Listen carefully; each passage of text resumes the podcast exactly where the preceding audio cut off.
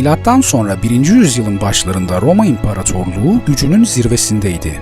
Nil'den Atlantik'e dek uzanan sınırları tüm Akdeniz'i çevreliyor, Galya, İspanya, Anadolu, Kuzey Afrika ve birçok eyalet Roma kurumlarının yönetimi altında Pax Romana'nın getirdiği huzuru paylaşıyordu. Bunun yanı sıra imparatorluk adeta görkem ve ihtişamla kuşatılmış durumdaydı.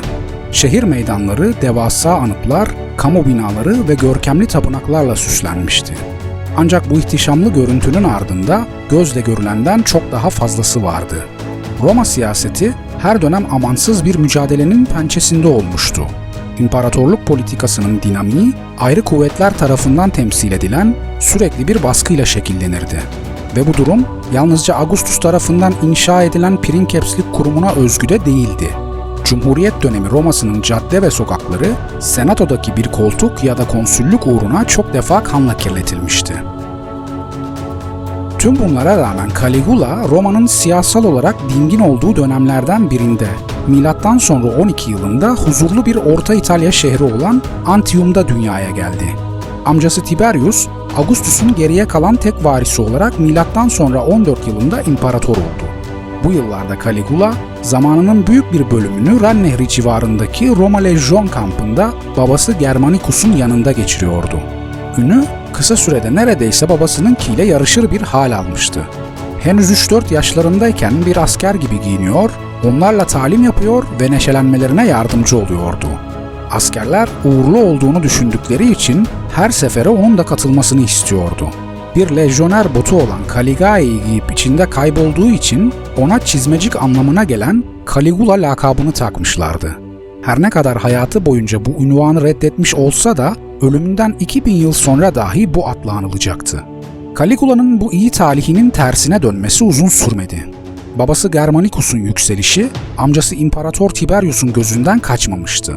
Artık Roma'nın dingin siyaseti yavaş yavaş çalkalanmaya başlıyordu. Germanicus milattan sonra 19 yılında Antakya'da bulunduğu sırada aniden rahatsızlandı ve çok geçmeden hayatını kaybetti. Ölümü doğal yollardan gerçekleşmiş gibi görünüyordu. Fakat Caligula'nın annesi Agrippina'nın Tiberius'u suçlaması uzun sürmedi.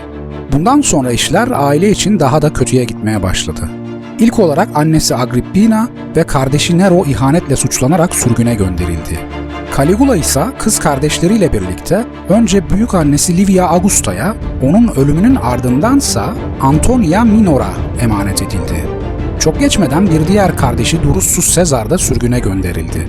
Tarihçi Suetonius'a göre Caligula bu yıllarda aslında Tiberius'un askerlerinin gözetiminde adeta bir hapis hayatı yaşıyordu. Buna ek olarak Tiberius'un paranoyasının sınırları her geçen gün daha da derinleşiyordu. Entrikalar komplolara dönüştükçe saray bunlara tasfiye ve idamlarla karşılık vermeye başlamıştı. Ancak Tiberius'a duyulan öfke yeni komploların filizlenmesine sebep oldu. Nihayet son yıllardaki başarısız yönetiminden bitap düşen ve suikaste uğramaktan korkan imparator, milattan sonra 26 yılında tahtı bırakarak Capri adasına çekildi. Başkentin ve imparatorluğun yönetimi Praetor muhafızlarının komutanı Seianus'un eline geçmişti. Ancak entrikaların arkası kesilmiyordu. Nihayet milattan sonra 31 yılında Seianus, Tiberius'a ihanet etmekle suçlandı. İnfaz mektubu senatoda okunana dek hiçbir şeyden haberi yoktu. İnfazını gerçekleştiren Makro, Praetor muhafızlarının yeni lideri oldu. Bundan böyle Roma'nın fiili yöneticisi o olacaktı. Caligula sezgileri yüksek, zeki ve doğal rol yapma konusunda oldukça yetenekli bir adamdı. Bunların bir sonucu olarak geri kalan aile fertlerinin bir kısmı öldürülmesine rağmen hayatta kalmayı başarmıştı. 19 yaşında Tiberius'un yanına Capri adasına getirildi ve burada onun varisi ilan edildi. Bir diğer varis ise Tiberius'un hayatta kalan tek oğlu Gemellus'tu. Tiberius 37 yılında İtalya'ya yaptığı bir yolculuk sırasında Misenum'da öldüğünde taht için en uygun aday yetişkinliğe erişmiş olan Caligula'ydı. Tacitus'a göre Tiberius'un ölümünde Makro ile birlikte işbirliği yapmıştı.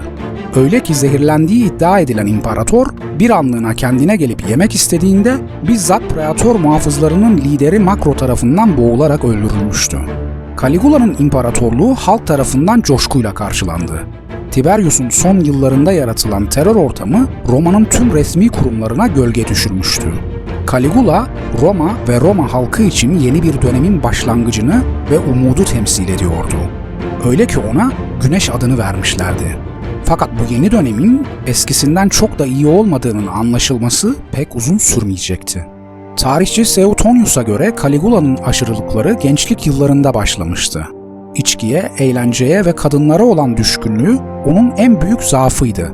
Buna ek olarak suçlulara acı çektirmekten ve işkence etmekten haz duyuyordu. Ancak Tiberius'un gözetiminde bu duygularını fazlasıyla bastırmak zorunda kalmıştı. Buna rağmen imparatorluğunun ilk günleri oldukça iyi geçti. Genel af ilan edildi, casusların bundan böyle kullanılmayacağı duyuruldu. Gösterişli eğlenceler ve şölenler düzenlendi. Halka ücretsiz buğday yardımı yapıldı. Ayrıca Caligula, senatoya karşı da oldukça saygılıydı. Devletin durumunu halka açıklayan bültenler yayınlıyordu. Devlet işlerinin hızlanması için çeşitli girişimlerde bulundu. Tiberius zamanında yapımına başlanan Augustus Tapınağı ve Pompeius Tiyatrosu hızlı bir şekilde tamamlandı. Roma her zamanki gibi görkemin ve şatafatın örtüsüyle bolluk içinde yaşıyordu. Ancak bu uzun sürmeyecekti. Karanlığın çökmesi yakındı. Milattan sonra 37 yılının sonlarına doğru Caligula ateşli bir hastalık geçirdi. Herkes ölümünün yakın olduğunu düşünüyordu. Buna rağmen hayata tutunmayı başardı ve en sonunda hastalığını yenmiş olarak uyandı. Fakat artık eski Caligula değildi. Devlet işlerinin kendisinin yokluğunda sorunsuz bir şekilde işlemiş olduğunu görmesi onu endişeye düşürmüştü. Cumhuriyetin kurumları henüz yok olmuş değildi. Zira cumhuriyetçiler de halen senatoda kendine yer bulabiliyordu. Buna ek olarak imparatorun iktidarı da mutlak değildi. Siyasi düzenin zirvesindeki konumu aslında her daim tehlikedeydi. Tüm bu ezici gerçeklerin altında bir de suikaste uğrayacağı paranoyasının zihninde yer etmesi Caligula'yı bambaşka bir adama çevirmişti. Önce uyku problemleri yaşamaya başladı. Geceleri en fazla 3 saat uyuyabiliyor, uykusu garip ve korkutucu kabuslar tarafından bölünüyordu. Bir süre sonra huysuzluğu günlük hayatına da yansımaya başladı. Hastalığından dolayı başlıca komutanlarından biri olan Makro'yu zan altında tuttu ve görevine son verdi. Tasfiyeler bununla da sınırlı kalmadı. Çok geçmeden diğer yüksek rütbeli yöneticileri de birer birer görevlerinden aldı. Saray, hiçbir deneyime sahip olmayan, sahne ya da arenada ün kazanmış bazı aristokrat gençlerle dolmuştu. Şehrin dört bir yanında hoşnutsuzluğa dair fısıltılar dolanıyordu. Fakat bunlar yalnızca bir başlangıçtı. Caligula'nın paranoyası kısa bir süre sonra önü alınmaz bir çılgınlığa dönüşecekti. Etrafında kümelenen tuhaf hikayeler aşırı zalimliğini, çoklu ve alışılmamış aşk maceralarını ya da senatoya karşı olan saygısızlığını tasvir eder. Suetonius onun kız kardeşleriyle olan ilişkilerini yüksek dereceden senato üyelerinin eşlerini en yüksek teklifi verenlere satmasını, kuzeyde yaptığı gülünç askeri faaliyetleri, çok sevdiği atı Inactus'u konsül ilan etmesini, kellik kompleksinden dolayı herkese saçını kazıtmasını emrettiğini ve gece güneşin doğmasını emrederek sarayının koridorlarında dolaşma alışkanlığını anlatır. Bu aşırılıkların ve zalimliklerin çevresindekileri etkilemeye başlaması uzun sürmedi. Bir zamanlar bakımını üstlenmiş olan Antonia Minor öldüğünde onu onurlandırmaktansa cenazesini sarayın salonundan yemek eşliğinde izlemeyi tercih etti. Kayınbabası Silanus'u boğazını keserek intihar etmeye zorladı. Kız kardeşi Drusilla ile yaşadığı birliktelik ardı arkası kesilmeyen saray skandallarından yalnızca biriydi. Drusilla'nın kocasından boşanmasını sağlamış ve sarayda alıkoymuştu çok sevdiği kız kardeşinin ölümü Caligula'nın üstünde derin bir etki yaratsa da bu etki uzun süreli olmadı. Onu tanrıça olarak onurlandırdı ve yeniden zevk alemlerine daldı. Eski konsül Gaius Memmius ile evli olan Lollia Paulina'yı yanına çağırıp kocasından boşanmaya ve ardından kendisiyle evlenmeye zorladı. Yaklaşık 6 aylık bir birlikteliğin ardından ondan da ayrılarak bu kez 3 çocuk annesi olan Kaysonya ile evlendi. Aşk hayatı kadın, erkek, genç, yaşlı herkesi içermeye başlamış ve adeta bir sapkınlığa dönüşmüştü. Roma'nın güç kutupları arasındaki gerginlik en nihayetinde Caligula'yı senatoyla karşı karşıya getirdi.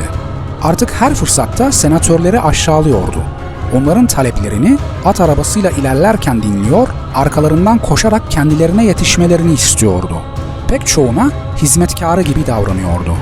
Alenen senatör eşleriyle birlikte oluyor ve yatakta hangisinin daha iyi olup hangisinin daha kötü olduğunu ulu orta her yerde anlatıyordu. Zihninde sürekli olarak suikaste uğrayacağı paranoyası vardı. Bu paranoya bir süre sonra sistematik infazlara dönüşmeye başladı. En güvenilir adamı Makro ve imparator olduktan sonra evlat edindiği Gemellus bu infazların ilk kurbanlarındandı. Yarattığı dehşet imparatorluğu çok geçmeden insan öğüten dev bir makinaya evirdi. Senatörlerin şanslı olan bir kısmı maden işçisi olarak sürgüne gönderiliyordu. Çoğunlukta bulunan bir diğer kısım ise arenalarda vahşi hayvanlarla dövüşmeye zorlanıyordu. Bu hayvanların bakım masrafları yüksek olduğu için suçlu bulunan birçok kişi onlara yem ediliyordu. Birinin aceleyle ya da gelişi güzel değil de sürekli ve çok sayıda küçük darbelerle işkence edilerek öldürülmesinden yanaydı. Hatta Seutonius'un kaydettiğine göre öyle bir vur ki öldüğünü hissetsin diyordu. Kötü yönetim aşırı israfla birleşince kısa süre içerisinde Tiberius'tan arta kalan hazine tamamen eridi. Buğday ambarları kapatıldı ve halk kaderine terk edildi. Bütçe kısıtlandı, imparatorluk fonları Caligula'nın kişisel ihtiyaçlarını karşılamak amacıyla ayrıldı. Fakat onun aşırılıklarını dizginleyebilecek bir maden olmadığı çok yakında anlaşılacaktı. Elinde avucunda hiçbir şey kalmadığını anlayınca kızının doğumunu bahane ederek halktan bağış toplamaya başladı. Yeni yasalar ve kanun düzenlemeleriyle kendini ülkedeki tek yasal mirasçı haline getirdi. Bundan böyle öldürdüğü senatörlerin malları miras olarak kendine kalacaktı. Bu yasa imparatorluğa daha çok ölüm ve kan getirdi. İmparatora ise daha fazla para ve daha fazla israf. Caligula'nın kişisel meydan okumasından tanrılar da kendi payına düşeni almıştı. Yunanistan'daki tanrı heykellerinin Roma'ya getirilmesini ve başlarının kesilmesini emretti. Birçok sanatçıya Caligula'nın büstünün yapılması için siparişler verilmişti. Böylece başsız kalan yüzlerce heykele imparatorun başı monte edilebilecekti. Kendi adına hizmet ve ibadet eden rahipler tuttu. Flamingolar, tavus kuşları, orman horozları, beç tavukları ve sülünler artık onun adına kurban ediliyordu. Roma imparatorlarının ölümlerinin ardından tanrılaştırılması Roma halkı ve senatosu için yabancı bir uygulama değildi. Fakat Caligula henüz ölmeden kendini tanrı ilan etmişti. Bir tanrı gibi giyiniyor ve kendisine bir tanrı gibi davranılmasını istiyordu. Buna rağmen dünyevi bir lider olarak henüz hiçbir askeri başarısı bulunmuyordu. Bu konudaki eksikliğini gidermek amacıyla milattan sonra 40 yılında orduyu toplayarak Britanya'yı fethetmek amacıyla yola çıktı. Bu seferle birlikte Roma halkı nezdinde yıpranmış olan itibarını yeniden kazanmayı hedefliyordu. Ancak kendi askerlerinin Caligula'ya duyduğu güvensizlik sonunda Manş denizini geçmeyi reddetmeleriyle sonuçlandı. İmparator yine de Roma'ya eli boş dönmek istemiyordu. Britanya'yı fethedemeyeceğini anlamıştı. En azından deniz tanrısı Neptünüs'e karşı bir zafer elde etmek istiyordu. Bu nedenle askerlere Manş denizi kıyısındaki deniz kabuklarını toplamalarını emretti. Bu ganimet onun Tanrı Neptünüs'e karşı kazandığı zaferin simgesi olarak kabul edilecekti. Caligula'nın ordusu bu sefer sırasında Germanya'da sınırlı başarılar elde etti. Yine de bu başarılar babası Germanicus ya da dedesi Drusus'un başarılarıyla kıyaslanacak düzeyde değildi. Milattan sonra 40 yılının sonlarıyla 41 yılının başlarında sadece Caligula'yı değil aynı zamanda Princeps'lik rejimini de hedef alan bir dizi komplo hazırlandı. Başkent Caligula'nın düzenlediği seferin hezimetiyle çalkalanıyordu. Buna ek olarak israf ve vurdum duymazlık imparatorluğu adeta uçurumun kıyısına sürüklemişti. Senatörlerin büyük bir çoğunluğu çok geç olmadan harekete geçme taraftarıydı. Ayrıca Caligula'nın zorbalığı, kibri ve tahmin edilemez oluşu preatör muhafızlarının dolayısıyla ordunun güvenini kaybetmesine neden olmuştu. En nihayetinde bu komplo çevresini saran yakın aile bireylerine kadar nüfuz etti. Ancak Caligula tehlikeyi sezmişti. Bu sebeple seferden dönüşünden sonra geçen 3 ay boyunca kente girmeyi reddetti. Burada düşmanlarını kanlı cezalandırmalarla tehdit eden ve Tanrı olduğunu hatırlatan bir dizi ürkütücü beyanname yayınlattı. Ancak Caligula'nın rejim üzerindeki gücü gittikçe azalıyordu. Bundan dolayı komployu tertip eden kemik kadro asla yok edilemedi. Milattan sonra 40 yılının sonlarında yapılan bazı tasfiyeler kendini güvende hissetmesini sağladı. Korkularından arındı ve şehre girmeyi kabul etti. Milattan sonra 41 yılının Ocak ayının sonlarına doğru yemek yemek ve banyo yapmak bahanesiyle Palatium oyunlarının düzenlendiği arenadan ayrıldı. Palatyumun altına inşa edilmiş olan tüneller saraya hızlı erişim sağlıyordu. Yine de bu yol fazlasıyla ıssız ve tehlikeliydi. Sonunda yolculuğun bir bölümünde bir grup ordu mensubu tarafından Caligula'nın önü kesildi ve imparator defalarca bıçaklanmak suretiyle öldürüldü. Tarihçi Cassius Dion'un da gözlemlediği gibi bu esnada Caligula bir tanrı olmadığını bizzat deneyimleyerek keşfetmiş oldu. İmparatorun ölümünün ardından Roma kısa süreli bir kaosun içine düştü. Cumhuriyetçiler Libertas rejiminin avantajlarını yüksek bir sesle dillendirmeye başlamıştı.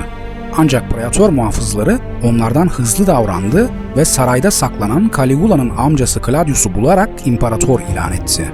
Senatörler bir süre daha mücadeleye devam ettilerse de sonuç değişmedi. Sezar'ın M.Ö. 44 yılındaki ölümünün ardından Cumhuriyetçiliğin ezilmesi için tam 8 yıl geçmesi gerekmişti. Caligula'nın ölümünden sonra ise bu iş 24 saat içinde halledildi.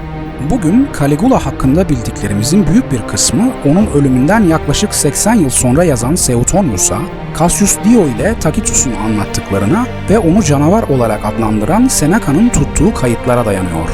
Hem çağdaşları hem de günümüz tarihçilerinin bir kısmı tarafından Caligula, hırs ve arzularını kontrol edemeyen bir sosyopat, kibirli fakat yetersiz bir yönetici, akli dengesi yerinde olmayan bir imparator olarak ele alınıyor. Yine de son yıllarda onu sert bir şekilde suçlamaktansa yaptıklarını anlamaya çalışan bir tarih anlayışı gelişmiş durumda.